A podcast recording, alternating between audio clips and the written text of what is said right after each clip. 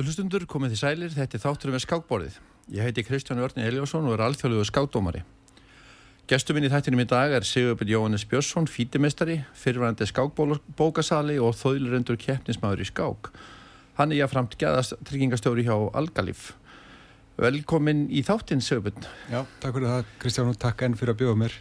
Já, við, við vorum í síðasta þætti sem að þú varst, þá, það var 13. september. Já. Þá vorum við að tala um Kasparov en, en hann er bara svo stór að það dögar ekki eitt þáttur um Nei, um það dög ekki eitt þáttur og, og einmitt gott að láta líða þessu milli sko því að hérna, einvíðin tókun og heldur betur tíma og einvíðin hjá Karpov og Kasparov þannig að það er eins gott að hérna, við tókum okkur bara góðan tími í þetta líka. Já, já, sem að vera ekki ja, gamall og lúin og, og þeir voru orðinir hann í lokinu og veikir. Já, akkurat, akkurat En um, við höfum farið yfir sérstaklega í ferri þætti þá höfum við farið yfir áskorundræmin uh, sko, gegn Karpov og fyrstu tvö einvíðin eða ekki? Jú, við vorum búin að fara yfir fyrstu tvö einvíðin hjá Karpov og Kasparov fyrra einvíðin sem að stöða þannig eftir 48 skákinar og svo einvíðin nummið tvö það sem að Kasparov var heimsastöri 22 ára gammal og hérna teldi þar í allan að tvær af þeim skákum sem hann sjálfur svona telur verað þær eftirminnlustu, það voru skákinu með 16 og 24 í því envi og hérna en það var samt alltaf þetta eh, undirleikjandi hjá þeim. Það var svo lítill munur á þeim og það, þetta voru alltaf svo jafnar viðregnir að, að þeim tókst aldrei að slíta sér frá hverjum öðrum. Og hérna það held svo sannlega áfram í einvinum með þrjú sem að fó fram í London og, og Leningrad Já, það var hvað, 1986? Já, það var 1986 og, og hérna og þá var auðvitað lungu orðið tímabært en loksins kom að því að að heimsvestrinu í skák var telt utan Sovjetrikina fyrir utan envi í Reykjavík að þá voru allir envi telt í Sovjetrikinum þangar til að við, þeir færði þessi núna kappanir til London og teltu fyrir hlutan þar. Og setni hlutan var teltur í Leningrad eins og hér þá heitur náttúrulega Sankt í Pétursborg mm í mhm. dag. Og hérna þetta var auðvitað, mikill viðburður í London þegar Envia var fært þongað eða sérst þegar fyrirlutin fór fram þar og auðvitað Tatsir þá var þetta fórsætsraður að bretta, hún setti Envið og, og hérna þeir tjölduðu miklu. Þeir, þeir hérna þá var til dæs kynnt þessi rafrænu skákborð þar sem að leikinni byrtust jafnáðum og rafrænum skákborðum. Þetta hafði ekki sést á þér og þóttu þetta mjög flott nýjung mm -hmm. og hérna Þá losnuðum en vantalega við síningaborði það sem að var leifandi maður til sal að færa Já, þá hérna þurftum en einmitt, ekki lengur að standa í því sem var mjög mikið framfara skref og ég held að við Íslendikar þú leirði með um vest betur en ég held að við hefum fyrst séð þetta þá í heimsbyggamótun 88 hinn í borgarleikusinu sem stöð tvö held. Og þar var Kasparov með þáttakata og það var mikil framför líka að sjá þetta þar og bara mjög flott að því að við vorum auðvitað ekki komin á þess að rafrænu öll sem við erum komin á núna. Mm. þannig að við vorum að sjá svona hluti í fyrsta skipti sem að var auðvitað virkilega gaman. En já, ef við förum aðeins í gegnum þetta einvið hann í London og Leningrad þá hérna er þetta nú eh, annað af tveimur einvið þar sem að þeir teldu hvað best. Það er svona eftir á að higgja og hérna það byrjaði þannig að Kasparov hann byrjaði að krafti eins og í einvinu undan og vann, komst yfir í, í hérna, fjóruðskákinni en, en Karpov hann jafnaði strax í fyndu og hérna þetta var svolítið skrítinn svona stemming í Herbjörn Kasparov. Hann var alltaf einhvern veginn í gegnum innvið virtist að vera svolítið með það á heilanum að, að það veri leki úr hans Herbjörn að það væri sem sagt byrjanundubúningurinn væri ekki bara innan veggja húsin sem að, hann, sem að þeir voru í heldur að, að þetta væri að leka til Karpós og hérna og þetta svona lekand áldi grátt í envi hann teldi mjög vel framann af og eftir hérna hvað 16 skákir þá var hann komið með þryggjavenga fórustu og allt virtist stefnaði nokkuð örgan sigur en þá gerist það að hérna, hann tapast þremu skákum í rauð hann tappaði grunnfældvörn í, í 17. skákinni tappaði svo aftur mjög klöfulega í 18. skákinni þar sem hann var nú eiginlega bara með unni en, en lekði niður og svo tappaði hann 19. skákinni líka í grunnfæld og það var þó þriðja skákin í grunnfæld sem hann tappaði í þessu innví Var hann kannski að var hann búin að svissa yfir í grunnföld frá hvað kongundir honum eða hvað? Nei, hann var eiginlega búin að vera að tefla alltaf svona eitthvað móttekið drottningabráð og eitthvað svo leiðis Nei, hérna, bara drottningabráð menna ég mm -hmm. uh, en hérna hann var svona að byrja að tefla grunnföld allan gegn Karpov hann hafði svona telt áður gegn svona aðeins veikarum mönnum en hann var bara ekkert alveg búin að ná tökum á þessari byrjun og, og hérna var svona já, það, það voru svona ími smáadrið sem maður var bara ekki alveg búin að festa hendur á. Mm -hmm. þetta er það viðkvæm byrjun og þú getur bara lengt í töfbu töfla og, töfla þetta ekki rétt. E, og, og svo var þessi þessi ræðsla við að allt vera að leka frá honum það var að það bætti ekki skák. En þegar hann tapaði sér átöndu skák að þá hérna bara lísta nefnir neðar ástend í sínum herbúum bannaði mönnum að fara út og, og hérna loka öllum símum í húsinu. Og hérna þarna var auðvitað einvið komin til Rúsland sem sagt. Uh, og þetta var náttúrulega það var eitt skákmaður Vladimir og að nafni sem að hérna lág alltaf sérstaklendi gröun hjá Kasparov. Og þá hitti auðvitað þannig á að lið Kasparovs fann síma, leini síma í herberginas Vladimirovs eins og ótrúldið það hljómar en þetta var nú svona bara sími sem að látiði mér og hafi notað til að eiga samskipti við fjölskyldið sína. En áður en að Kasparu gæti reykja nú liðina þá hérna ákvað látiði mér og bara segja þetta gott og, og eiga liðið, eiga herbúinar og hérna eh, sagðist að þetta ekki hafa verið að leka neinum upplýsingum og, og lofaði því að hérna myndi ekki vinna með neinum anstæðingu Kasparovs næstu árin. En hérna Það... Já, hann hefði sérst verið fullkomlega uh, tryggur Kasparov. Já, já, ég hugsa að, að hérna, þetta hafi ekkert verið sko, neitt leki og það er ekkert sem bendir til þess, það er ekki sönnum um það.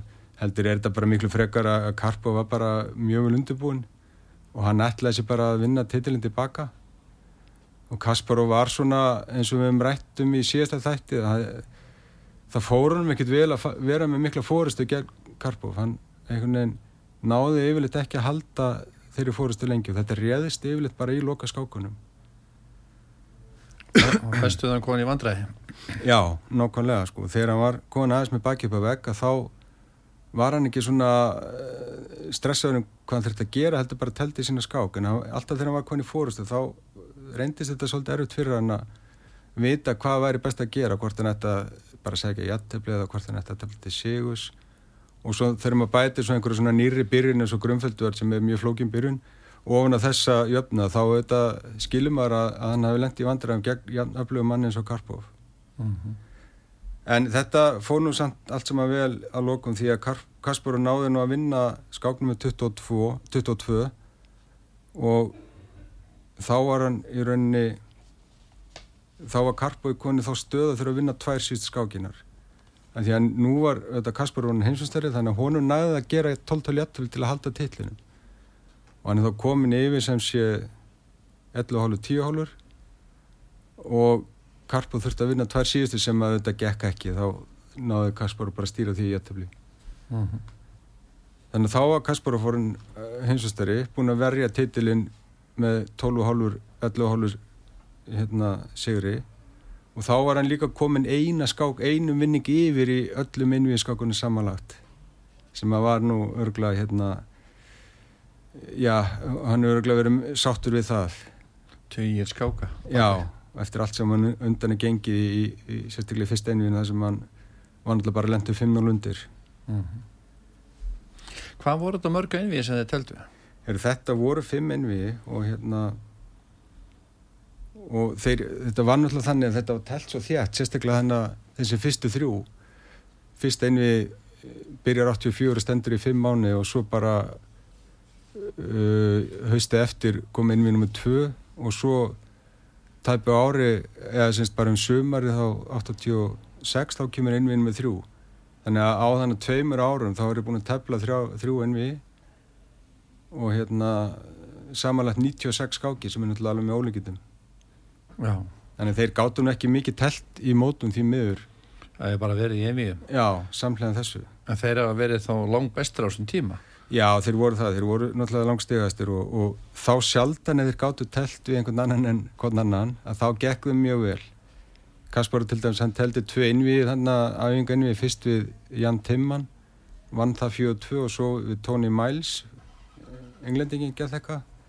Vann það 5,5 hálfur og þá kom þetta ódöðlega við nefnir sem að hérna, Miles Gáni sem var skrimsli með þúsundaugun sem að festist við Kasparov í nokkuð tíma allavega Mm en já, svo kom náttúrulega NV nr. 8 eh, NV nr. 4 sem var í Sevilla á Spáni 1987 og hérna Karpov, hann uh, hún er næða að tefla eitt innví áskorunda rauninni til að hérna, fá réttin til að skora á Kasparov hann kom sér sett inn í áskorunda keppnuna á sittni stegum hennar og, og vann Andri Sókolov rúsneskan stórmestara uh, vann hann bara mjög létt. Sókolov hafði nú verið talin mjög hérna lofandi skákmaður og, og, og hann teldi meðal hans hérna í Reykjavík árið 1988 í þessu heims byggamóti og var þá einu maður sem náði að vinna Kasparov í því móti.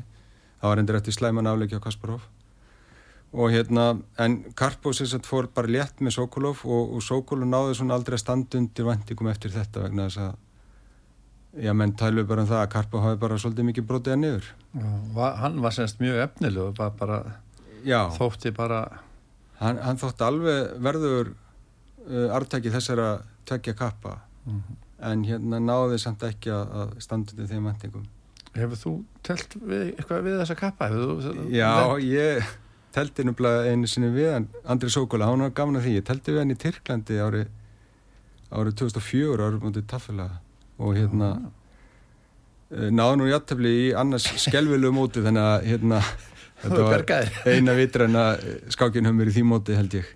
En hérna, já, en það var gaman að tefla við hana því að þegar ég var auðvitað ungur þá myndi maður eftir honum og, og hérna sérstaklega að því að hann vann Kasparov hann að 88 í borgarleikusunni það var náttúrulega mikil, mikil viðbörur og, og mjög sjónrætt allt saman því að Kasparov lág í ungum sínum fram á borðið lengi eftir að skákinu laug Já, já. alveg að ég held að vera spaski sem kom á réttanum viskiklasa þá hérna brosti Kasparov til hans og, og yfirgaf skákstæðin já. Hvernig, uh, að ég sé á, Sevilla, segir, berða ekki þannig fram, Sevilla á Spáni. Jú, Sevilla á spóni En uh, var það þar sem að uh, var það þeirri einvi þegar hann gaf út þessa bók hérna, Ch- Child of Change, var, var það söpa letið eða hvað? Já, hann, Kasparov, hann gáði þessa bók Child of Change sem heitir nú því fallega nafni sem að einmitt kallast vel á við eh, lag sem heitir næstu samanafni Já. Wind of Change en hérna hann sem sett gaf út þá bók í aðdrandi innviðisins og þar einmitt var hann sko ennþá á þessum nótum að hérna að í raunin að Karpo væri að svindla og að, að, að hann væri að hérna fá upplýsingar frá einnunum sínum herbúðum. En hann gæti ekkert stutta með neinu nema bara einhverjum já bara einhverju tali, hann bara gæti sagt þetta en hann hafði ekkert í höndunum um það. Þannig að svo bók var nú hún var svolítið lítið að því og, og hérna var þess vegna kannski alveg nógu vel hefnuð En var þetta kannski, ekki bara eðlilegt að vera svona paranoid eða, svona hrættur um þetta? Hann, þeir eru að tefla hérna í Jú, ég held það nú sko. Karpo var náttúrulega svona stuttur af segja, eh, vel, vel stuttur af sínum mönnum, algjörlega, ríkistjóðinni al, algjörlega. Og, og varst þú ekki, var það ekki, var það ekki síðast að þetta með þér sem að ja, einhver bauð jafntefni í liftu eða er ég að ruggla þessu saman? Nei, já, það eru glæður Úlf Andersson sko þegar hann fekk vinn sinni heimsókn og Já, þeir að fara nýri kallar að tefla hraðskákir já, og ég held að Úlf hafi búið jættefli fyrstur hraðskákin í liftunni sko. Liftunni Já, það var svona einhver sænskur húmor í gangi þar. Já, já, ja, hérna, Nei, það, það sko hérna uh, með þessar ásakanir þetta var, þú veist þetta leit alltaf út fyrir að vera svona hálfgett hattu samband hjá þeim Karpo og Kasparov en, en svo var þetta nú samt þannig að, að þeir þurftu nú þannig í aðdrand innvísins held ég að undir 86 innvísins þá þurftu nú að fara til Sviss þar sem höfustæður fíti voru og eru mögulega þá uh, til að semja um einhverja dagsinningur og einhver skilirði og, og þeir voru þá saman henni í Svissi nokkru daga. Maður er nú haldið að svona anstæðingur væri nú ekkit mikið að blanda geðu hvern annan en þeir eittin að öllum dögunum saman upp á Hótelbergi að spila og spil.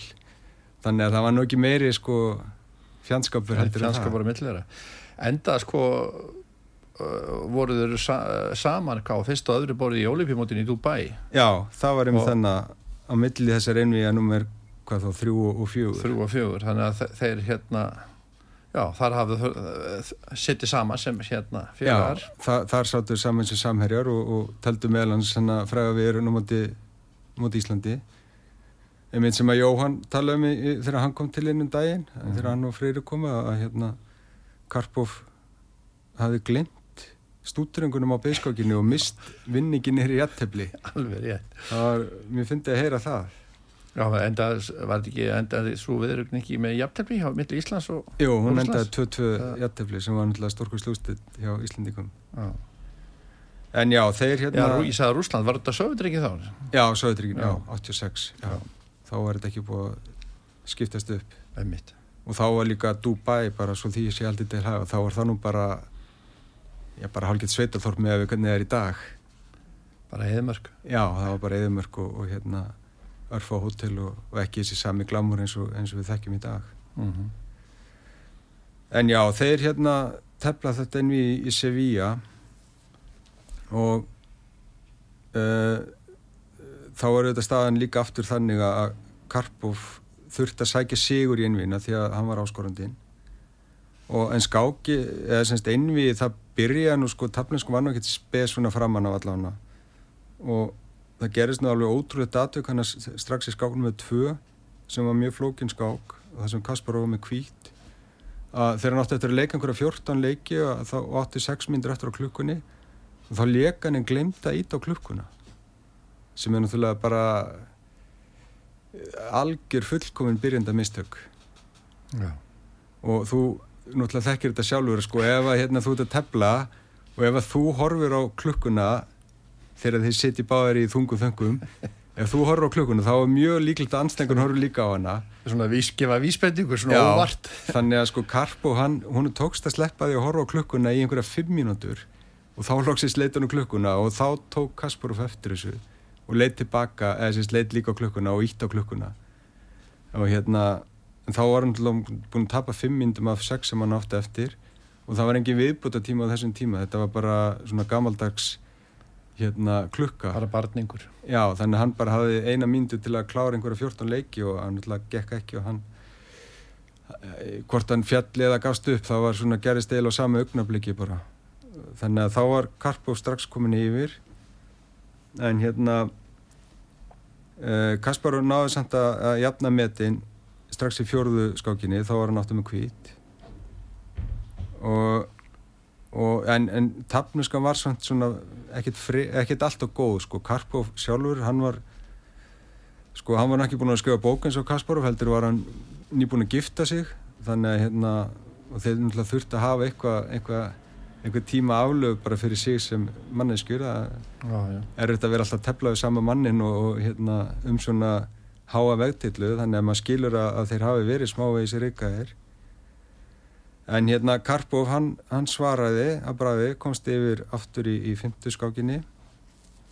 Uh, en Kasparov hann tók fórustuna með vinna 8.11 og í 11. skákinni það var reyndar hérna fyrir þá sem eru svona áhuga sem erum að fletta þessum skákum upp og þá var laði Kasparov mjög læfis að gildu, gildru fyrir Karpov sem að sko Kasparu átti vögg að verjast í þeirri skáki í grunnföld en hérna lagði gildri sem gekk fullkomlu upp þannig að hann náði að vinna skiptamun og, og hérna og vinna þar með skákina eh, en áfram heldu þeir og þangar til koma 16. skákinni þá hérna eins og glöggir hlustundur hafa mögulega tekið eftir að þá var 16. skákin yfirleitt skákinas Kasparovs, hann hafði unnið 16 skakina glæsilega í einvinum með 2 hann hafði líka unni uh, í einvinum með 3 16 skakina þannig að hann mætti til leiks með kvítumennina í þessa skák. Alveg vissum hann myndi vinna. Hann var alveg samfærður um það. En þráttur er mikið sjálfströst og miklu vissu að þá hérna ekki, ekki alveg upp og hann á endurinn tapaði skákinni. Þannig að hérna þá er allt orðið jæmt aftur eftir 16 skákir og hann tapaði mig kvíti sem er auðvitað mjög dýrt því að hann átti alltaf í vöku að verjast með svörtu allan á þessum tíma. Uh -huh. en hérna 16 skákir, staða jöfn. Já, staðan jöfn 8-8 og ég raunin ómöld að segja hvað ég eftir að gerast því að 8 skákir eftir báður eftir að fá kvít fjóru sinnum. Og í, í kjölfari þá komu nú hérna, þá komu nú alltaf einhver jættefli uh, alveg þannig til 2003 skákinni að þá náði Karpov að vinna og komast yfir 12-11 og það er enda svo skemmtilegt að hérna það er til myndbætt á YouTube af þessu síðustu svona 5-10 myndum að þessar skák og ég hveit hlustendur til að kíkja það vegna þess að hérna Kasparov var með sko svona dæmigjara stöðu eins og hann var alltaf með á þessum árum svona það sem hann var með anstengið daldi blokkaraðan og var með einhverja sók uh, þetta var mjög tvísinn staða og á uh, bara kólröngu augnabliki þá ákveðu Kasparov að leika rókbeint í dauðan til að reyna að fá einhverja mátsókn en Karpov átti þannig mjög snjallan mittileg sem að bara rakti þess að fórnum leið. Þannig að hérna Kasparov tapaði skákinni á mjög slæman hátt. Og þetta er, þetta myndband er mjög dramatíst því að þeir tefla sko, þeir eru greinlega í miklu tímarækja og tefla eh, síðustu leikinu mjög hratt og skrifa ekki leikina. Eins og máttu á þessum tíma eða áttur inn á fimm myndir eftir og þá máttur þeir sleppa að skrifa. Og þeir eru náð svo tímarkunum að þá var bara staðan rúgandi rúst hjá, hjá Kasparov Þannig að Karpov komið í pálmann í hendunar hérna, hvað, og einskák eftir? Já, einskák eftir og, hérna, og það var rauninni sama stað eins og hafi komið upp í innvíð nr. 2 þegar Kasparov vann titilin af Karpov og þá var einmitt Kasparov 12-11 yfir var með svart í síðustu skákinni og þurft þá jættibli og þá blés Karpov strax til sóknar með E4 og töldu heljarna skáki segilega öll sem að Kasparov náðu að vinna að lokum. Eh, þannig að nú á spurningin sko hvernig ætlar Kasparov að nálgast þetta að vera einu vinning undir þurfa að vinna? Á hann að blása strax til sóknar og reyna að máta bara um leiðis og karpaði reynd eða á hann að tepla bara rólega skák? Og hérna og hvort heldur þú nú að, að hvort myndir þú, þú trú að Kasparov hvort myndir þú Það er bara að fara á volinn eða ekki? Já, hann er bara, það er það sem mönn byggustu en hann leik bara sé fjögur og fór bara í svona þunga stöðubortu held alltaf þetta, var, þetta er útrúlega flott skák hann held alltaf kvítrætta biskunum sem hann hafi skásett á, á G2 og hérna held alltaf upp einhverju, einhverju mögulega, möguleika á að eignast frípeð á alínni sem að svona langrækin biskup eins og er á G2 gerðnan hefði getað stutt vel upp í borðið. Hann var kannski ekki alltaf með betri stöðu gennum skákina, hann var svona aðeins betra kannski en pressan var auðvitað mjög mikil á Karpov og, og á lokum þá lék Karpov af sér og, og, og hérna Kasparov fekk mm, hartnærunni fyrir byggð eða þeirra skákið fyrir byggð í kringu færtastaleg og svo hérna þegar hann mætti til að klára byggskákina þá bara var það bara einstefna og Kasparov já, Kasparov teldi mjög örugt og Karpo höfði sennilega bara eftir langa og erfiða vörð bara verið úrkólu vonur því að hann gafst bara upp með þess að sko. Í rauninni eh, koma óvart hversu snemm hann gafst upp. En þarna var þá Kaspar búin að halda titlinum á jöfnu. Mm. búin að nýta sér það ákveði í fyrsta skipti Þetta hefur kannski verið ákveðið eitthvað fyrirfram hvað sem sé fjóri, hvað þetta er ennskilingurinn Já. Og hérna var hann búin að leika honum eitthvað áður í... Já, já, hann er alltaf gripið í það sko og gerði það alltaf setna ferlinn líka. Og hérna en það, sko, hann var þetta var svolítið fyndið sko hann, þegar er byrjað að tefla saman í senvi þá var Kaspar fyrir raunni að leika D4 fyrsta leik og Karpo var að leika E4 en á þessum tíma var þetta svolítið að fara að snúast við að Karpo var að fara að leika D4 og Kaspar var að fara að leika E4 uh, en hérna hann einhvern veginn sko Karpo var að fara að tefla spænska leikin á þessum tíma gegn Kasparov og, og reyndar Karakan og Petrov. Þannig að ég held þetta hafi bara verið svona praktískum ástæðum, hann hefði bara viljað að tefla langa skák, hann var yngri maðurinn 12 árum yngri og þetta var síðasta skákin, hann vissi að anstæðangur nýri þreyttur.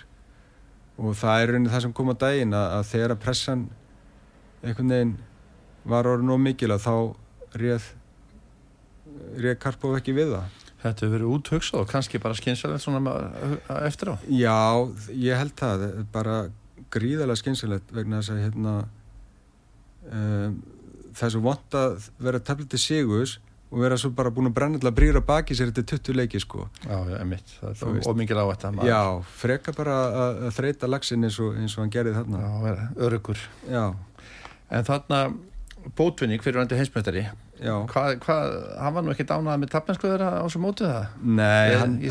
Hann var það ekki og hann hérna einmitt bara talaði um að þeir hefði bara ekki verið að tefla vel og, og hefði verið búin að tefla og mikið við hvern annan og, og væri farinir að tekja hvern annan og mikið og vel þannig að hérna hann svona var gaggrinn á þá Já Erum við búin að fara hérna yfir þá einvið í fjögur? Já, þá erum við vel búin með einvið í fjögur og hérna Skulum bara fara, ef við ekki fara bara í auglýsingar og, og hérna árum við fyrir með einvið í fimm og fyrir að tala aðeins meira um kannski Kaspar og svona fyrir utan skákina. Já, endilega, gerum það. Vindum okkur bara í auglýsingar. Yes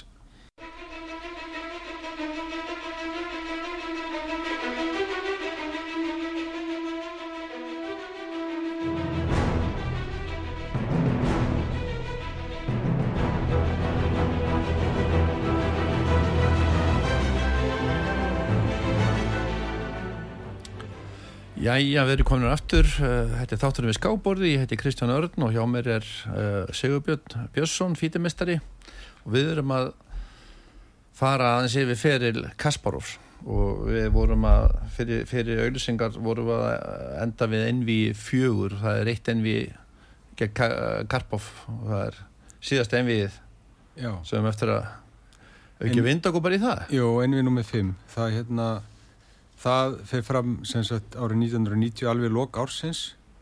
Uh, Sovjetrikinn, eða sko Berlínum, hann er nú fallin á þessum tíma, hann fellur hann í lok árs 89. En Sovjetrikinn þau lafa hann að þá og en þó ekki meirinn svo að hérna Kasparov hann hefði nú alltaf búið í Baku á samt móðu sinni og, og, og fjölskyldu en hérna uh,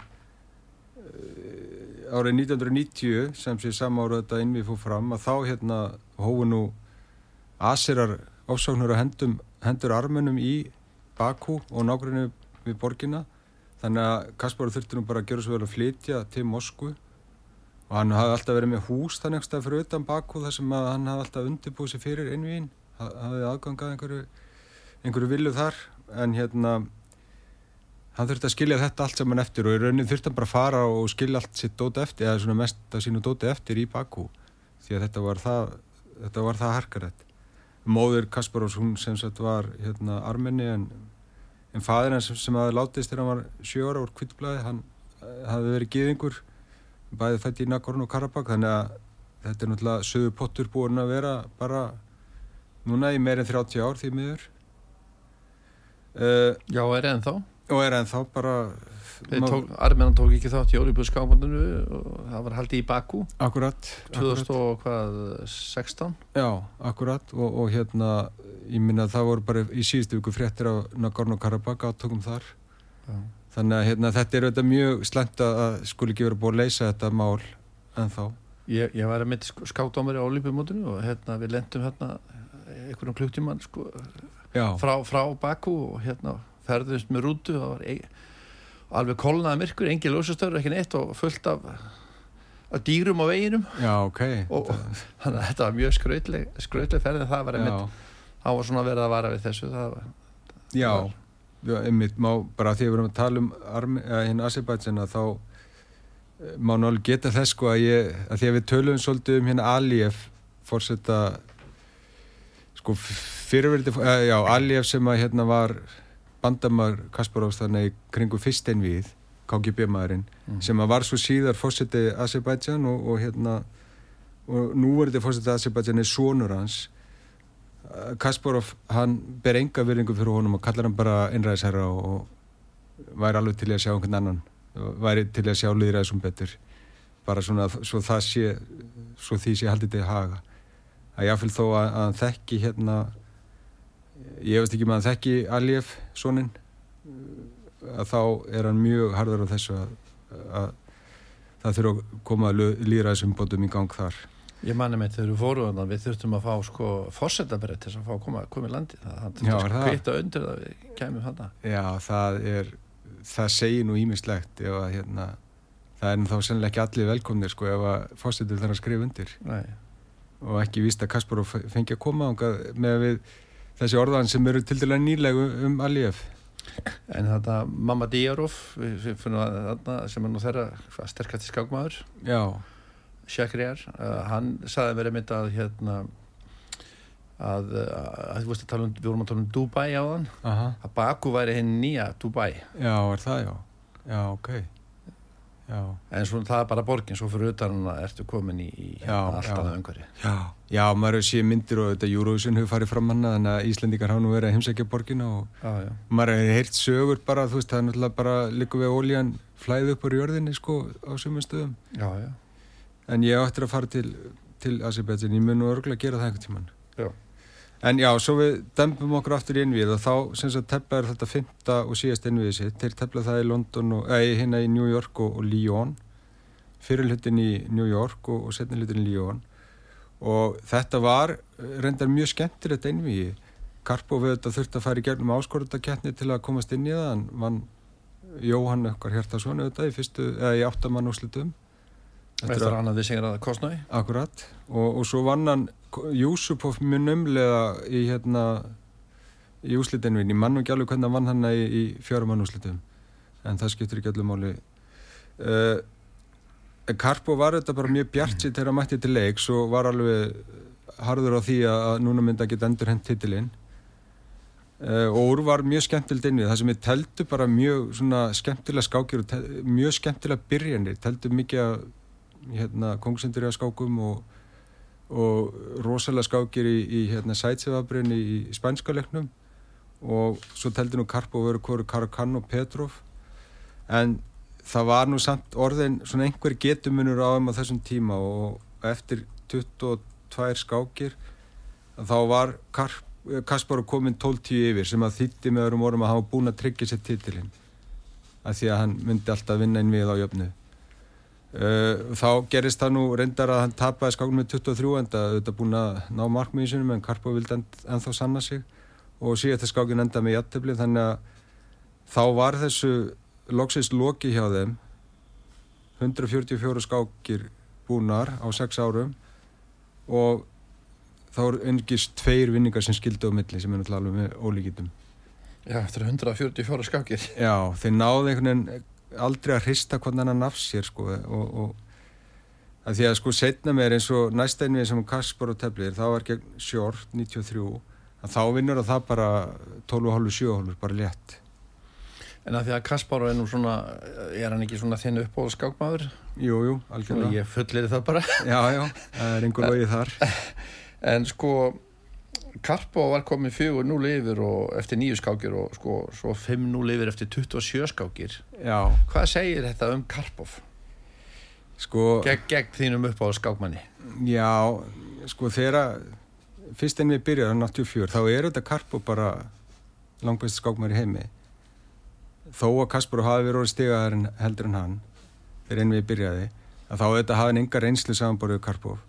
En Kaspar þetta var fljótur að læra og þurfti að vera fljótur að læra.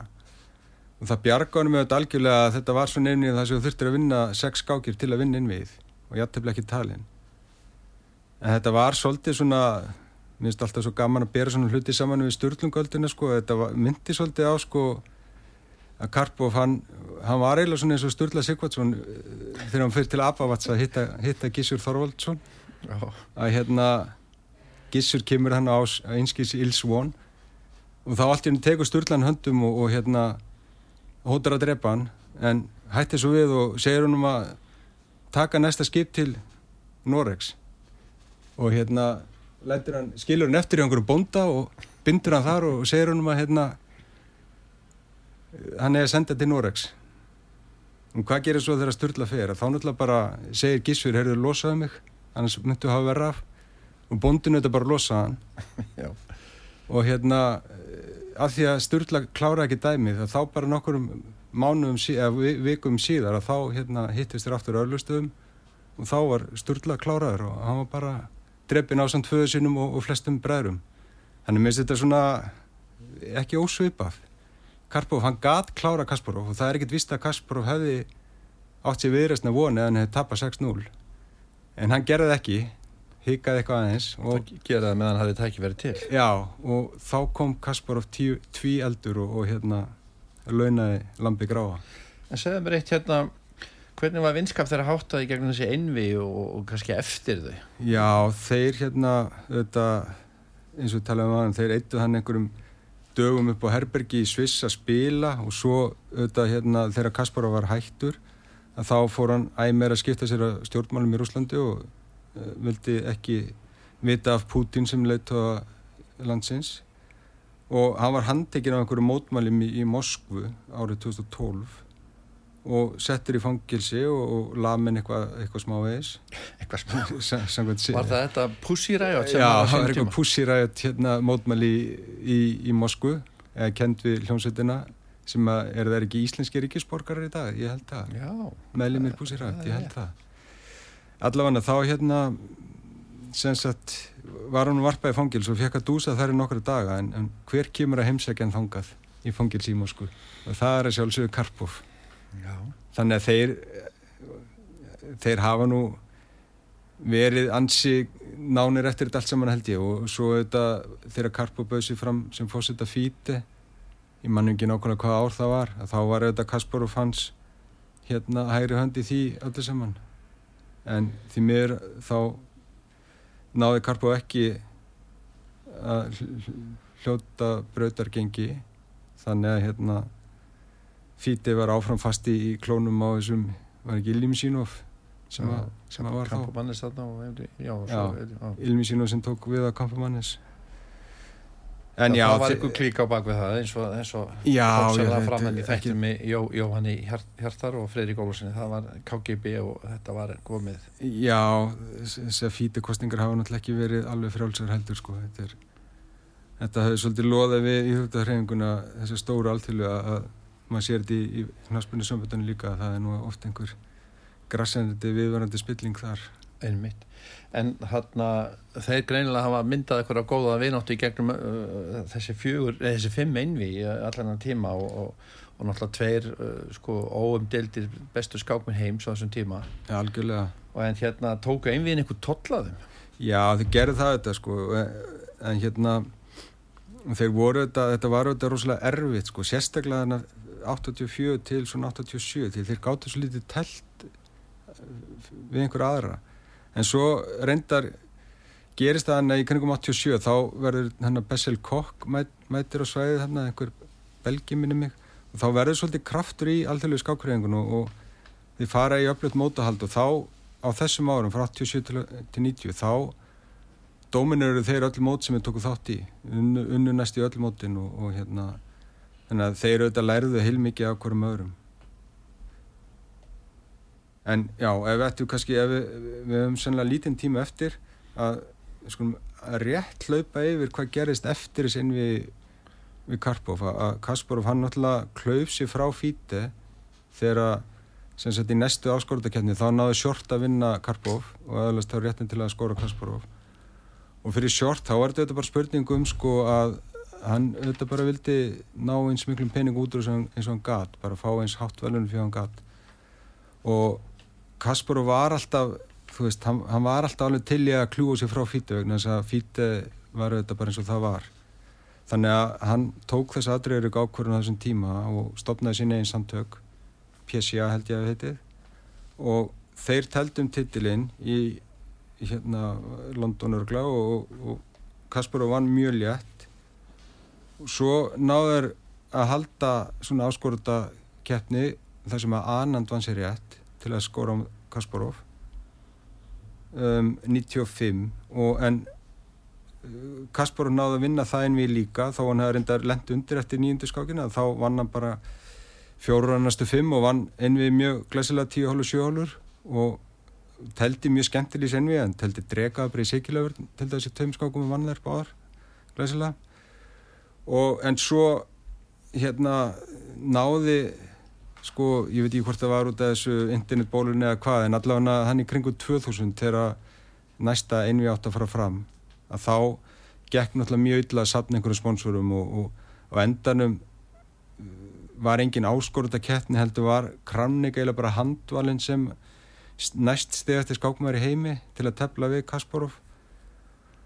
En Kramnik, honum tókst það ótrúlega hann náða að leggja Kasparov að velli í 16 innvíja eða 16 skáka innví þar sem að Kasparov náði ekki vinni einu einustu skák.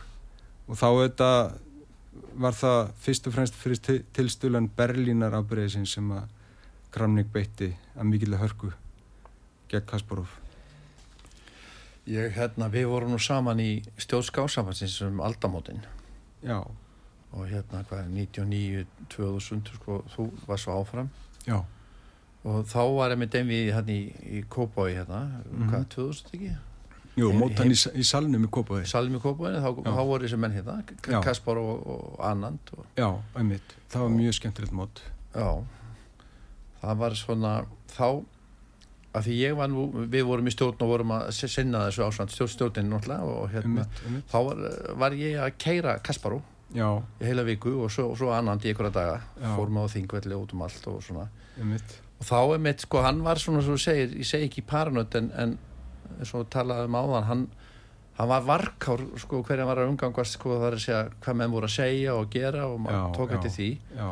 en það var gríðarett ála á hann og, og hérna eftir hver einustu skák hrýndan í móðu sína. Já, hann kom út í bíl og hérna þá voru bankastjórar hérna eldan það voru alls konar viðskipt í gangi allan daginn sko, eftir skákina, Já, hann já. hafði ekki sko, mikinn undibúning Nei.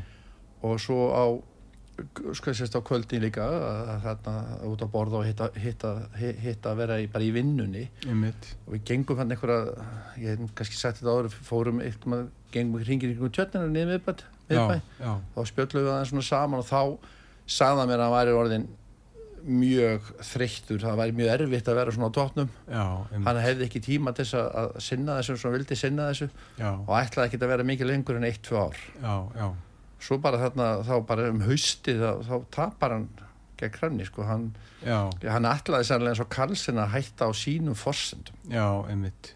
bara uh, segja sér sko frá þessu Já, já. en uh, sko var kannski ekki nú tilbúin Nei. hranni, ekki, ekki það ekki Nei, þú veist, hann er bara hann, já á- ö- ö- hefði örgulega getið undirbúið sér betur fyrir það einví og, og svo var þetta bara það stendst engin tímastönn og Kramnik var auðvitað mjög verðugur ártæki hans Kasparovs og auðvitað frábær skákmaður sjálfur. En já, svo hætti Kasparov að tefla 2005 en hérna og svo flytur hann nú frá Rúslandi hann eftir 2012 eftir þessa handtöku.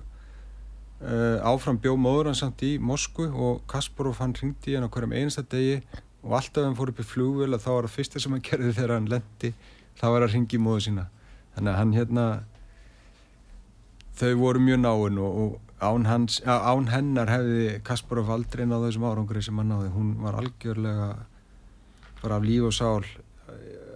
Að stýta já, hún bara tilengaði lífi sínum honum að, hérna hafa hans veg sem mestan og bestan. Eh, eh, sko, mannst þú uh, milli Kramniks og, og Kasparov er ekki Kramnik með vinningin hefur hann ekki Jú. unnið fleiri skákir. Jú, ég held það sko. Og Kramnik var snemma farin að vinna Kasparov. Veist, hann var snemma farin að hérna ná mjög góðum úslitum og Kasparov lendi í vandræðum bara með kongsundir hann lendi í vandræðum að tefla, tefla þá byrjun gegn Kramnik. Uh, Kasparov var náttúrulega hann í kringu 2000 alltaf tefla kongstundurinn og vann flesta í því en, en Kramnik teldi Petresina að breyði svo kallega og hafði mjög gott skor á móti Kasparov í því. Ég sá að mynd sko, svona smá út út úr aftur. Já, ég já, sá að mynd sko, myndbæri gerð með eh, Na- Nakamura. Já, hann var eitthvað að fjalla um Kasparov og, og hérna og um var hver var besti heimsmeistari eða skákmaður sem Já. uppbeðið þeirri já, og hann vildi meina að það væri Karlsson, það var engin vaf á því. Og, og hérna talaði um ákveðna veikleika hérna hjá Kasparov og vildi meina það sko kongi, hann var að tefla kong, kongsindverðan og hann hafi skipt yfir í grund, grundfælt sko. Hann var, hefði eiginlega mist bara svolítið trúna kannski á sjálfum sig þetta hann hefði breytt um stíl sko Já, það var ekkert síst, út á kramning sko. En einmitt þetta með sem þú segir sko að Karlsson sé besti heimsvisturinn, það er auðvitað eins og ég sagði líka síðasta tíma eða þætti hjá okkur að nýjasti heimsvistarinn ennur sannlega alltaf bestur vegna þess að hann er með alla þekkinguna sem hinn eru búin að búa til uh mhm. -huh. en Án Kasparos hefði náttúrulega skákin aldrei tekið þessum framförum því að á endinu var hann náttúrulega bara þannig að tölva var sett til höðusónum og, og hérna Deep Blue Tvísvar, Tvísvar. Kasparov vann fyrra einn við en svo vann Deep Blue setni einn við og hérna það var þetta á, mikill áfangi svona fyrir þá sem að standa tölvum og, og hérna og svo auðvitað setna gerðugrind að, hérna, að tölva náðu þannig að leggja mennina í raunin floknasta borspilinu Já, þannig það hefur verið sko já, þannig að Biskákir lögðu staf Já, já, algjörlega og, og hérna, það breytist alveg óbúslega mikið með tölvunum. Já En Kasparov hann í dag þá býr hann bara í, í New York með, með fjölskyldu sinna, hann er með króatíska ríkisborgarrétt og hérna og hann er auðvitað, sko, hann er bara síðast í gær sem að einhver rúsnesku bladamar var að hótunum líflátið, sko. Eh, einhverju, einhverju sjónvastætti, ég sá bara upptöku á, á Twitter sem að Kasparov var að tjá sig um þetta. Já, hann er svo pólitískur. Já, hann er svo pólitískur og, og, og hérna þeir eru nú bara svo vannir að riðja bara mönnum og vegi sko, en við líkar ekki við á Sæðum við, er, er móðuna sann á lífi, vistu það? Nei, hún lesti í COVID. No. Já, lesti á jólata 2020 úr COVID. Og hérna, hvað ég held að hann hafi verið 83 ára aldri. Þannig að hún hérna, hún er fallin frá. Þannig að en Kasparov, já, hann lifir hann í New York og hann er auðvitað, sittur ekki dögum höndum, hann er auðvitað að skrifa bækur á fullu og heldur fyrirlestra og, og mætir í viðtöl og, og er alltaf tilbúin til að, að tjá sig fyrir mannréttindum og, og svona hennum frálsa heimi.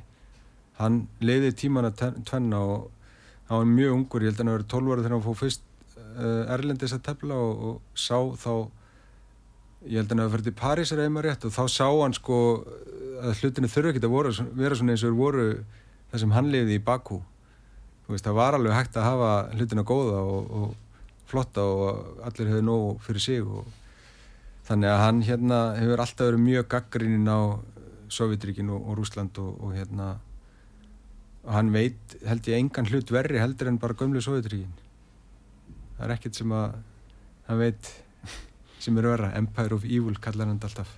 Já já, reyndar gaman að, ég man allt í neftur, við þurfum aðeins að minnast á það með flöggin hérna fyrir í, í loka einvinni á Karpo og Kasparov að þá, eins og við sagðum, þá voru Sovjetrikinn anþá lifandi þannig að Karpo mætti með sovjíska fánan í fyrstu skákina en Kasparov kom með Krokomundi Bráð og mætti með rúsneska fánan bara til að, aðeins að segja sér frá Sovjetrikinnum úr þessu var þetta smá mál Þannig að eftir þrjárskókir þá voru flöggin fjarlæð en þá mætti Kasparov með svona barmerki Rústlands í, í nælu í, í jakkanum sem var náttúrulega ekki þetta fjarlæð þannig að hann svona, hann sneri svolítið á fítið þar. Já, það hefði ekki verið gerað aðdóðsömdu við þeir kannski. Já, nei, það var ekki hægt að, ekki hægt að taka það sem var á klæðinaðunum sko en, en þetta var svona, síndi, þetta síni vel hans hérna svona viðþór gaggart eins og Sovjetríkunum og hann trúði því alltaf að Rústland gæti orðið betra heldur en það er í dag undir, undir stjórn Pútins Já. Uh, Hvað er hann að vinna við eitthvað sett, er hann bara réttöfundu þá núna, hvernig? Já, ég held að hann hafi bara mest að tekja á bókum og, og fyrirlesturum og eins og svoleiðis. Hann er svona örgulega bara eins og er ekki alltaf þannig þessi bandrækjafóstari, þeir eru alltaf í fá fullt að tekjum í, í kring og svoleiðis. Og tekjur að vera því sjálfur Já, ég held að sé bara þannig og hann ferðast auðvitað mjög mikið og hann gengur um sem frjálsmaður en hérna vonandi hefur Putin örn upp með maður neppað þannig að hann fær nú bara að vera í friði.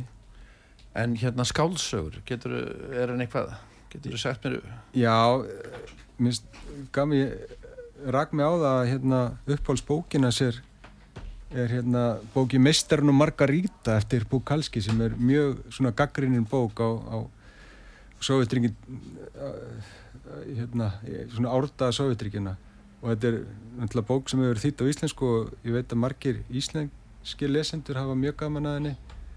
Og hérna ég vil bara hvetja þá sem að vilja vita meir um þá bók. Er eitthvað svona að lókum, Sigurbjörn? Nei, við erum búin að tala svo mikið en tíminn er alltaf svo fljótur að líða hjá okkur. Eh, þannig að við þurfum bara að við skulum segja skilum við Kaspar á vallan í bíli og, og hérna ég held að við séum búin að fjalla ágætlega um hans feril og, og þetta var náttúrulega bara blóma skeið þessi tími 84-90 í skákinni. Já, við, eitthvað stað verðum við að stoppa hann, þess að verðum við þá þrjú og fjögur um Kaspar Já, nákvæmlega hérna, sko, það er þetta tala endurist um hann En hann er semst upp á skákmáðurinn Já, og, og hérna bara það mun aldrei breytast Já, það mun aldrei breytast, nei Herðu, lag, þú valdi lag, við hafa nýlega sett á, í ganga á hann, Hvað, hvaða lag er það? Herðu, þetta er bara lagi hérna Sing með Travis, þetta er bara svona létt og þægilegt lag og bara valið á handahófi Valið á handahófi Herðu, við fáum það þá eftir en þættunum við skáparið ég er lókið í dag. Ég þakka gestiminu Sigurbjörni Jóhannessi Björnsinni, fítimestara, verið komin í þáttin og frálund og skemmtileg spjall. Einari Kalli Gunnarsinni og Þorstinni Sigurssoni þakka ég fyrir teknimól og stjórnum útsendingar og hlustundum öllum fyrir hlustununa. Ég heiti Kristján Örn Elgarsson, verið í sæl og góða stundir.